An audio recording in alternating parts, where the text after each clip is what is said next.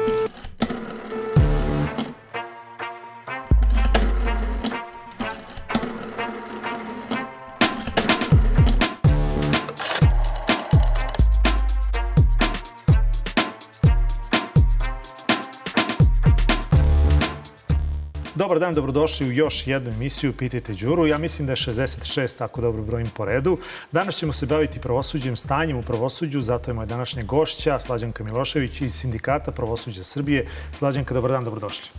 Hvala na pozivu, dobar dan i vama. E, sad ćemo pokušati da predstavimo uh, ono što se dešava u našem pravosuđu iz jednog ugla koji je ugao prakse i ja mislim da možda nema bolje gošće od vas e, na, na tu temu. Dakle, pa kakav je položaj vas zaposlenih e, u, u pravosuđu? E, da li vas ima dovoljno s obzirom na to koliko, recimo, kada uđete u proces bilo kakav, a da se tiče pravosuđa, onda to zna da potraje, boga mi, i preko 10 godina?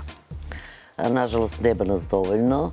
E, I u tome se i ogleda ta neažurnost pravosuđa, posebno posle reforme iz 2010. godine, kada je određen broj zaposlenih napustio pravosuđe, odnosno smanjen je broj zaposlenih i ne nedostaje samo zaposlenih u, u pravosuđu, nedostaje svih. Dakle, počeo od sudije i tužilaca kao nosilaca pravosudnih funkcija i nosilaca posla, tako isto nedostaje i zaposlenih. Ja moram da kažem da se broj zaposlenih određuje na osnovu broja nosilaca pravosudnih funkcija, međutim da to tako u praksi nije.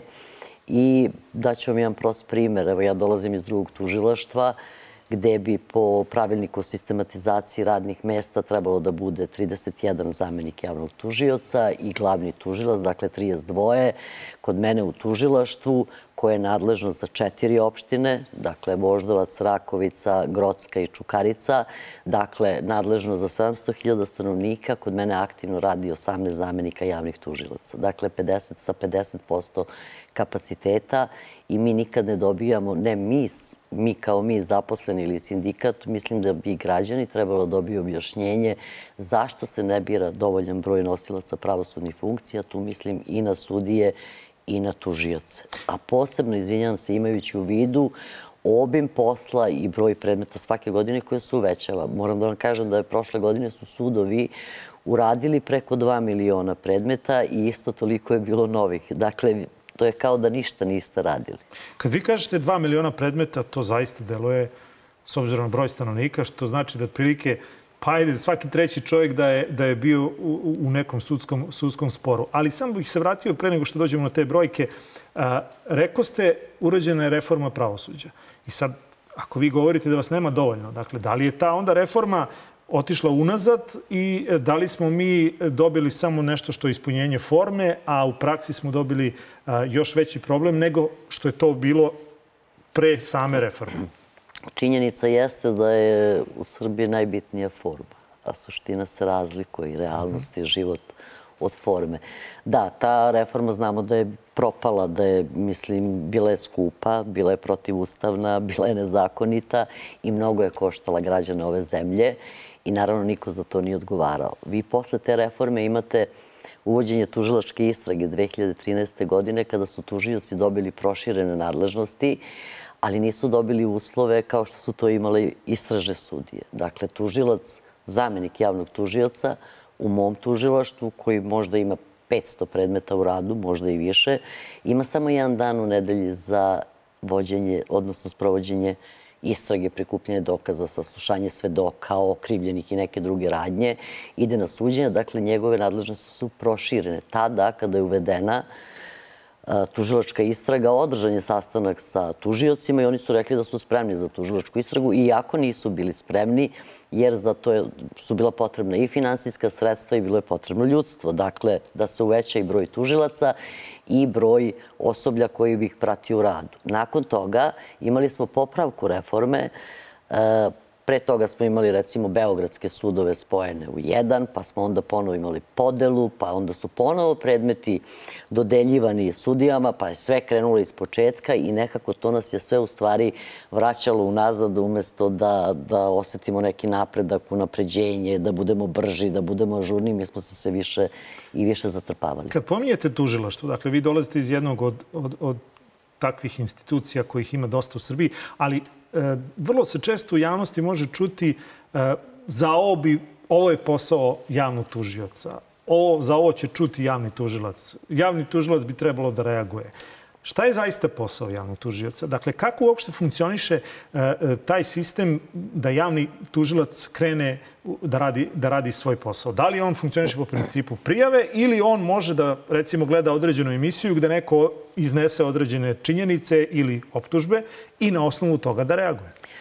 Tužilac bi mogao da reaguje na osnovu saznanja nekih ukoliko je došao do saznanja da je učinjeno neko krivično delo, ali najčešće uh, deluje na osnovu krivične prijave. Najčešći podnosioci krivičnih prijava su je policija i najčešće je za tužioca krivična prijava inicijalni akt u okviru koje se on kreće. Mm -hmm. Dakle, uh, mogu novine da pišu svašta, mediji da objavljuju svašta, tužilac isključivo se vodi navodima u krivičnoj prijavi i dokazima koje je dobio uz krivičnu prijavu. Ja moram da vam kažem da može da se desi da ne budu dobri dokazi uz krivičnu prijavu. Dovoljno dobri da bi on krenuo u postupak, istragu, optuženje, da bi na kraju došli do suda i do osuđujuće presude. Dakle, dokazi mogu da budu traljavi. Nijedan tužilac u Srbiji nije pas tragač, ne ide na teren, ono kao u filmovima gledate, pa tužilac ide, juri dokaze, ne znam, ispituje ono, ne. Tužilac radi iz fotelje u njegovo ime i ono što bi trebalo da se sprovede i da se prikupe neke obaveštenja radi, najčešće radi policija. Može da se desi i dešava se da se tužilac obrati policiji zahtevom za prikupljanje određenih obaveštenja ili dokaza i da policija ne odgovara. Pomenu ste ovih 2 miliona predmeta. Šta nam govori taj broj? Dakle, da li nam taj broj govori da vas nema dovoljno ili nam govori s druge strane da određene uh, stvari u, Srbiji ne funkcionišu pa ljudi za sve i svašta traže pomoć na sudu? Govori i o jednom i o drugom. Uh, dva miliona predmeta je posledica. Uzorci su, opet kažem, jedna reforma, ispravka reforme, uvođenje tužilačke istrage, zabrana zapošljavanja, mada Kad smo kod zabrane zapošljavanja, ja bih tu imala primetbu. E, u pravosuđu gde, bez obzira na to što građani e, kritikuju često rad pravosuđa i niko nije zadovoljan radom pravosuđa, a sa druge strane vi ne zapošljavate dovoljan broj ljudi da bi ti isti građani ostvarili svoje pravo i ti isti građani, bez obzira na nepoverenje koje iskazuju, tuže se Dakle, o tome govori broj ovih tužbi i prijava da oni ipak negde veruju u pravosuđe, zaštitu svojih prava traže pred sudom. O tome govori ovaj broj prijava. S druge strane, e, pa da li funkcioniše? Ono funkcioniše, ali po mom mišljenju e, ne mogu da kažem da je improvizacija, postoje procedure, sve je to propisano, sve je to u redu, ali opet kažem, e, i glavni pritisak na pravosuđe je broj zaposlenih. Mi smo imali situaciju, na primer, pre par godina, da je u prvom osnovnom sudu izabrano 39 sudija koji nisu imali svog referenta i nisu imali zapisničara. I šta on da radi? On može dođe samo čita predmet i da plače nad njim. To radi? Pa on mora da ima svog referenta i svog zapisničara s kojim, s kojim će da radi. Dakle, A nije ga imao? Nije ga imao. Jer ga dobio među, među vremenu? Dobio ga je, hvala Bogu. Ovaj, dobili su, kažem, 39 u jednom danu izabrano sudija u prvi osnovni sud, koji nisu imali ni referenta, niti zapisničara. Dakle, izvinite, oni su, da kažem, mozak, jeli, ali telo, ruke i ostalo organizam su osoblje koji ih prati u radu. Oni moraju da imaju prateće osoblje i to dovoljan broj koji će da ih prati u radu. Evo, na primer, u tužilaštima, na jednog tužioca ide, ja mislim, 1,8 osoblja. 1,8. Znači, ne ide dva cela čoveka, razumete? A u ta dva čoveka, ne cela, jeli, ide i zapisničar, i upisničar, i dostavljač, i IT stručnjak, i spremačice i nemamo, one, one su na preko agencija, i e, statističar, i sekretarica, sve ide u tih 1,8. E, kad smo kod brojki, e, koliko ljudi se žali na, na suđenje u nerazumnom roku? Imate No. li taj podatak? A mnogo, mnogo se žali, nemam taj podatak. I da li to uopšte postoji mogućnost zloupotrebe? U kom smislu? Pa u smislu da se neki predmeti namerno odugovlače. Jer zašto vas to pitam? Zato što, koliko ja znam, vi me ispravite, dakle, za suđenje u nerazumnom roku ja ne znam da li neki sudija kažnjen. Dakle, kažnjen je sud, pa onda to ide iz budžeta. Pa on sudio, ne sudio, neće njegom uzeti od plate. Vi me ispravite ako grešim. Vi ste u pravu, ali samo da vam kažem nešto. U zakonu o sudijama i u zakonu o javnom tužilaštvu propisano je da za štetu koju nanese sudija ili tužilac u svom radu eh, odgovara Republika Srbija.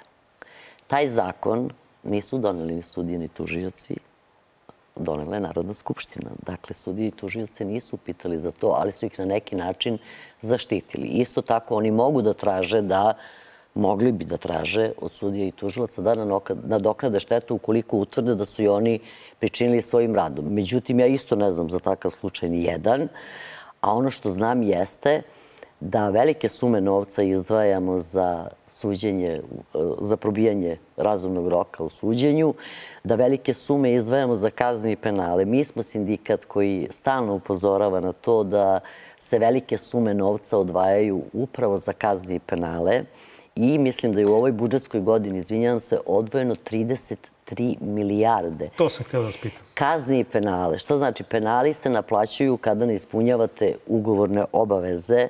Dakle, e, te, te penale ne mogu da izazovu radnici. Uglavnom ih izazivaju oni koji su na rukovodećim mestima. Dakle, oni koji su ovlašćeni da potpisuju neku, neke ugovore i da te iste ugovore ne poštuju. Dakle, to je rukovodeći kadar. Niko nije odgovarao. A kazne su uglavnom za kršenje prava. Dakle, prava iz radnog odnosa, iz bilo kog zakona i imamo recimo situaciju da Republičko pravobranilaštvo, pred njim se vodi, pred Republičkim pravobranilaštvom koje je državni advokat, čiji je glavni zadatak da štiti interes Republike Srbije i budžet Republike Srbije, ima oko 500.000 predmeta. Mimo jeli ovih, što znači da 500.000 građana tuže Republiku Srbiju. Dakle, ja opet kažem, to su posledice. Uzroci su negde na nekom drugom mestu. Mi imamo slučaj, ne znam da ste pratili ili niste, da smo tužili jedan zatvor, 97 zaposlenih, jer im nisu isplaćivani putni troškovi. A, pravo na isplatu putnih troškova je imperativna odredba u zakonu o radu. I nema tu poslodavac da razmišlja da li hoće ili neće. Moje pravo kao radnika je vaša obaveza kao poslodavca. I to je zakonom propisano. Dakle, nas koji radimo u pravosuđu, isto nas sapliću i podmeću nam klipove. Dakle, nisu tu samo građani ugroženi. Eto, Da li je podmetanje klipova to što e, je selektivno desilo se selektivno povećanje plata, pa su e, sudijama, nekim sudijama zbog preopterećenosti povećane plate, a ostalim e, zaposlenima to nije, to nije učinjeno. Jeste. Di- Diskriminacija zaposlenih. Sad ne znamo ni da li je samo zbog obima posla. Imate e, dve mogućnosti da povećate sudijama, odnosno nosiocima pravosudnih funkcija platu. Zbog nedostajućeg broja sudija ili zbog povećanog obima posla. I onda mi imamo situaciju da određen, u određenim sudovima, to je poslednji sud, je upravni sud, koji inače radi predmete iz 2018. ili 2019. godine. Čini mi se, sudije su sad po odluci Visokog saveta sudstva dobili 15% povećanje plate na obim posla. Međutim, zaposleni koji ih prate u radu nisu dobili povećanje plate zbog preopterećenosti, iako postoji zakonski osnov da bi i oni mogli da A dobiju, ali kolike ne su uopšte 15%, plate sudija? Nego osam, plate sudija. Pa ovako, osnovica za obračun plata nosilaca pravosudnih funkcija iznosi 41.000 i nešto, skoro 42.000. Sudija osnovnog suda ima koeficijent 3, znači on ima neto platu čisto 126.000. A, Viši tužilac ima e, 3,5 koeficijent e, ili viši ovaj, predsjednik višeg suda.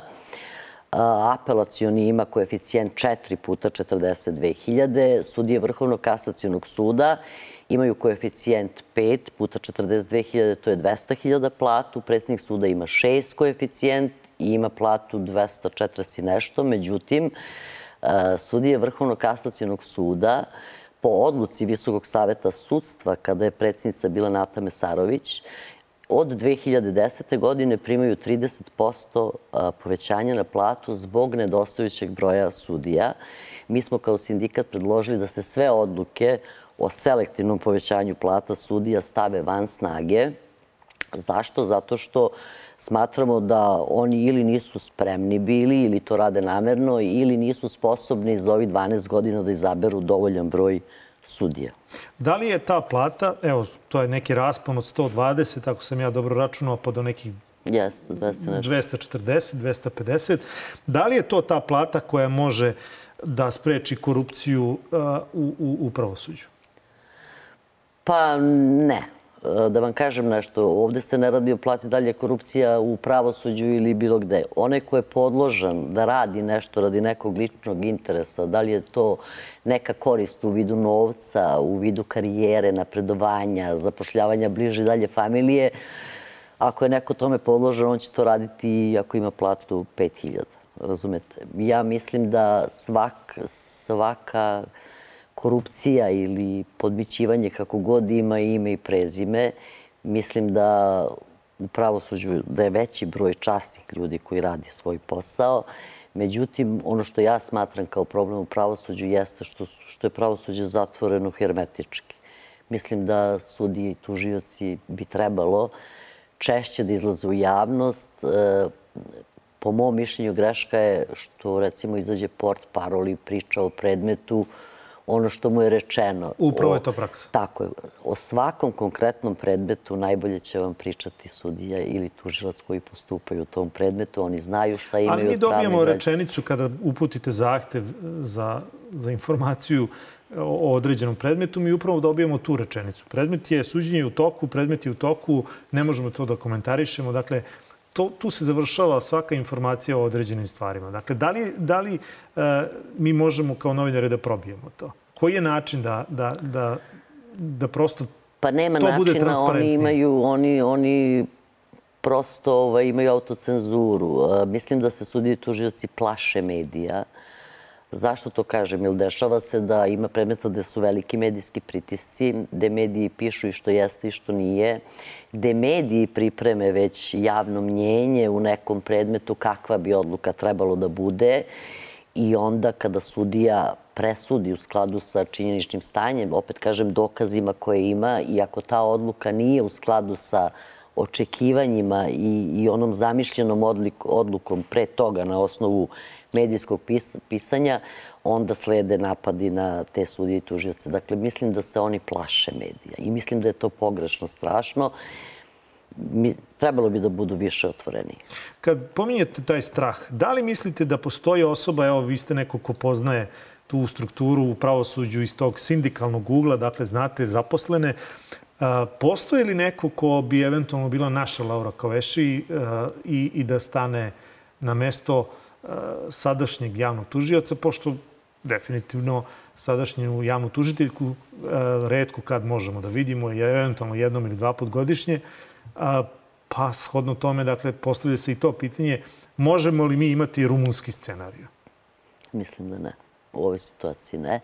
A ne vidite ni osobu koja bi mogla da bude ta osoba? Ne, ne vidim. Ne vidim, prosto oni se plaše, oni su pod pritiskom, oni nisu zaboravili reformu od 2010. Znate, ona im je negde u glavi. Kada je preko noći njih hiljadu i ostalo bez posla. I oni žive isto od svoje plate, razumete? I egzistencijalno oni plaše se da ne budu ugroženi. Hoćete da kažete da onda ono kao takvo nije samostalno, nije nezavisno? Ne, jeste samostalno, nije nezavisno. Pa ne može ni da bude, da vam kažem nešto, vi da biste to radili, vi morate da imate državu i podršku za sebe. Ako vi to nemate, a nema, nemaju je sigurno, ako vidite način izbora, ako vidite da mogu preko noći da vas razreše, da vam nađu bilo šta. Dakle, svakom u svakom momentu mogu da nađu bilo šta u predmetu. Ako hoće. Kad pominjete predmete, vrlo često sam u emisiji imao pitanje koje se odnosilo na a, zastaru i na ono što su radili sudovi, recimo konkretno Infostan je i, i tužbe za, za dugovanje Infostana su najčešće bile bili ti predmeti. Ti predmeti su bili stari i po 10-15 godina. I sad su te predmete, izmenjen je zakon, sad su te predmete e, preuzeli e, javni izvršitelji. Dakle, da li je ovde, da li se može onda izvesti zaključak da su javni izvršitelji po nekom principu sposobniji od sudova? Zašto sudovi nisu to radili po svom, ili je i to bila politička odluka? Ne, ne bih znala da vam kažem da li je bila politička ili nije. Ne verujem da su izvršitelji efikasniji. Oni imaju određenu grupu dakle, poslova koje rade. Sudovi su radili dosta poslova, imali su široku lepezu ovaj, tih poslova. Međutim, ako to je zastaralo, verovatno. Ne, ne, ne mogu da verujem da neko primenjuje zakon sad u odnosu na nešto se desilo pre. Kod nas je zabranjena retroaktivna primjena zakona, to je prva stvar. Druga stvar, verovatno bi dužnici trebalo se pozovu na zastarelost.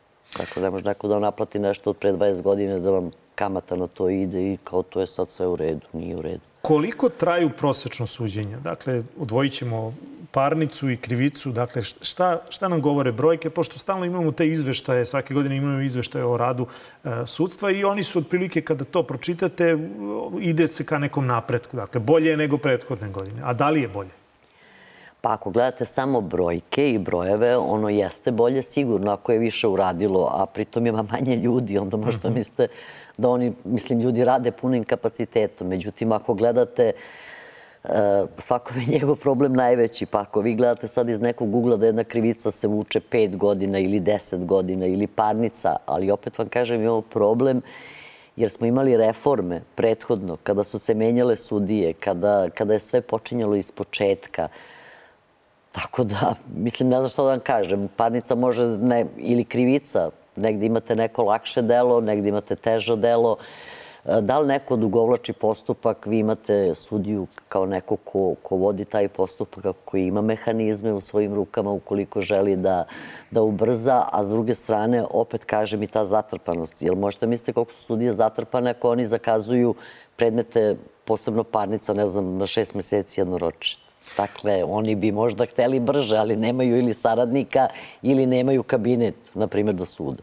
Kad pominjete zatrpanost, uh, i pomenuli ste malo pred zatvore, dakle, da ste imali takav jedan slučaj. Kako je stanje u zatvorima u Srbiji? Dakle, imali smo jednom, pre jednom 5-6 godina priču i izgradili su se neki zatvori novi u, u, u Srbiji, ali konstantno nas je pratila E, priča da su naši zatvori, da su van standarda Evrope, da su e, prekobrojni, e, dakle da u jednoj prostoriji živi više nego što to što to zakon propisuje, to je što da, prosto da. je humano. Dakle, kako je stanje zatvora u Srbiji?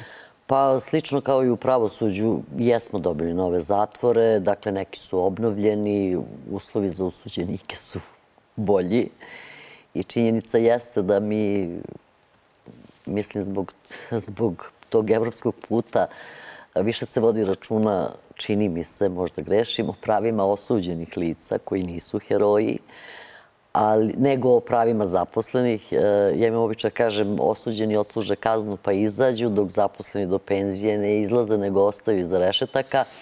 A, položaj zaposlenih u zatvorima pa nije ništa gori ni bolji u odnosu na neke druge u ovoj državi. Međutim, ja moram da kažem jednu činjenicu, a to je da oni rade vrlo težak posao, da nam zatvori jesu preopterećeni što se tiče broja uh, osuđenih lica, da broj zaposlenih uh, nije dovoljan i njihov broj je smanjivan isto.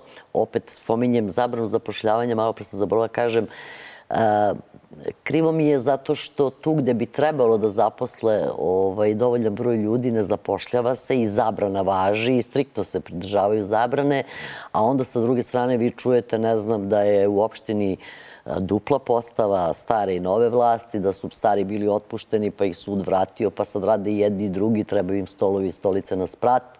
Ili čujete za javna preduzeća gde se zapošljavaju ili su na platnom spisku, a da uopšte ne dolaze na posao i onda vi osetite jednu ljutnju i bez. Dakle, zatvori su prenatrpani, nema ih dovoljno i žao mi je e, u ovo vreme korone, kada oni su bili heroji, oni su radili non stop, pritom nemaju uslova za to izdvajanje ovih koji su bolesni, jeli?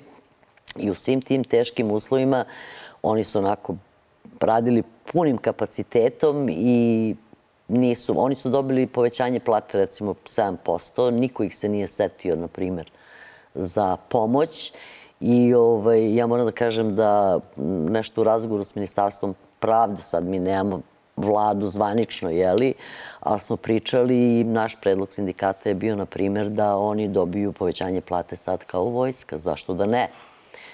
Kad pominjete sindikalnu aktivnost, nekako se stiče utisak da sindikata nikad više, a prava radnika sve lošija. E, mada neki dobiju i, i automobile, službene automobile kao ovi u EPS-u, ako je to istina, e, od države. Dakle, kako je kod vas stanje ili uopšte, ajde možda, kako je uopšte stanje u toj sindikalnoj borbi u Srbiji? Prvi maj kad se desi, svugde u svetu su neredi, samo u Srbiji je sve ovaj, ružičasto kao da zaista živimo u nekoj Švajcarskoj. Pa znate kako, o, sindikalna scena nam je vrlo šarolika. Kad kažete sindikati ima ih puno i sad oni koji gledaju ovu emisiju i slušaju kažu ma šta sindikat pravosuđa, ništa ne rade u ono. Prvo zaposleni ne shvataju da su oni deo tog sindikata.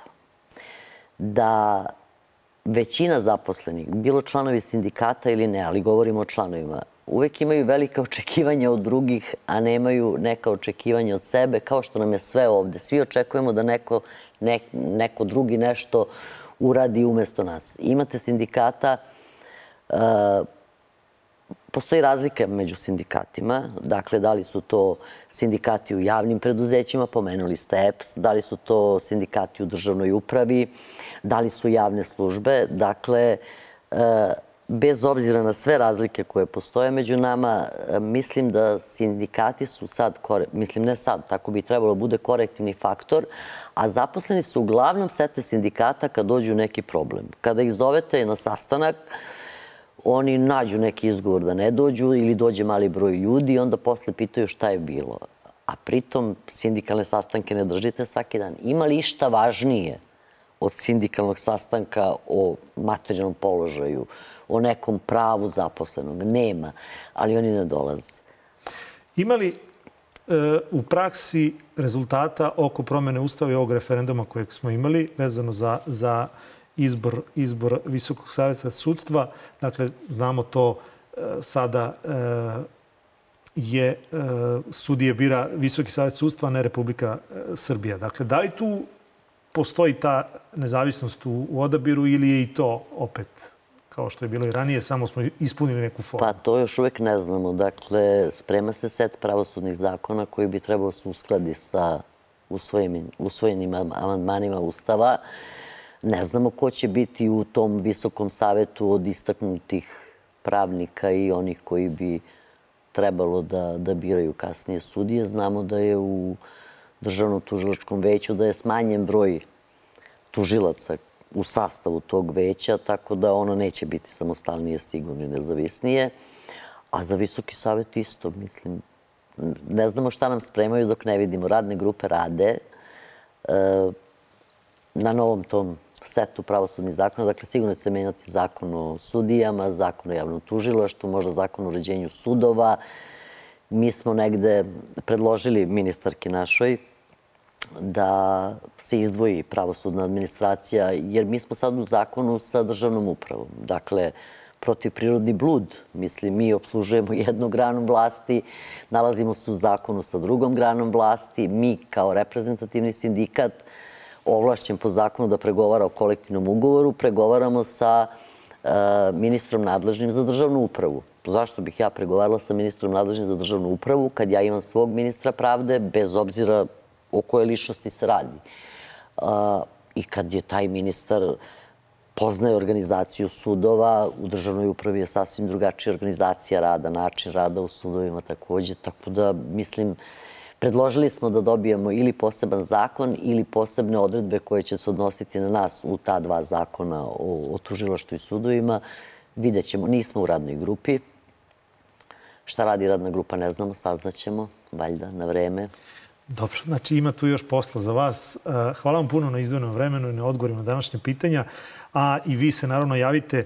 Moja današnja gošća je bila Slađanka Milošević e, iz Sindikata pravosuđa Srbije. Ukoliko i vi imate pitanje koje se tiče ne samo ove teme, već svih ostalih na koje ste navikli u ovoj emisiji, broj telefona Viber broj 069 893 0023, Facebook, Instagram i Twitter mreža Pitajte Đuru, a vaše pitanje naravno šaljite i na e-mail adresu pitajteđuru.nova.rs.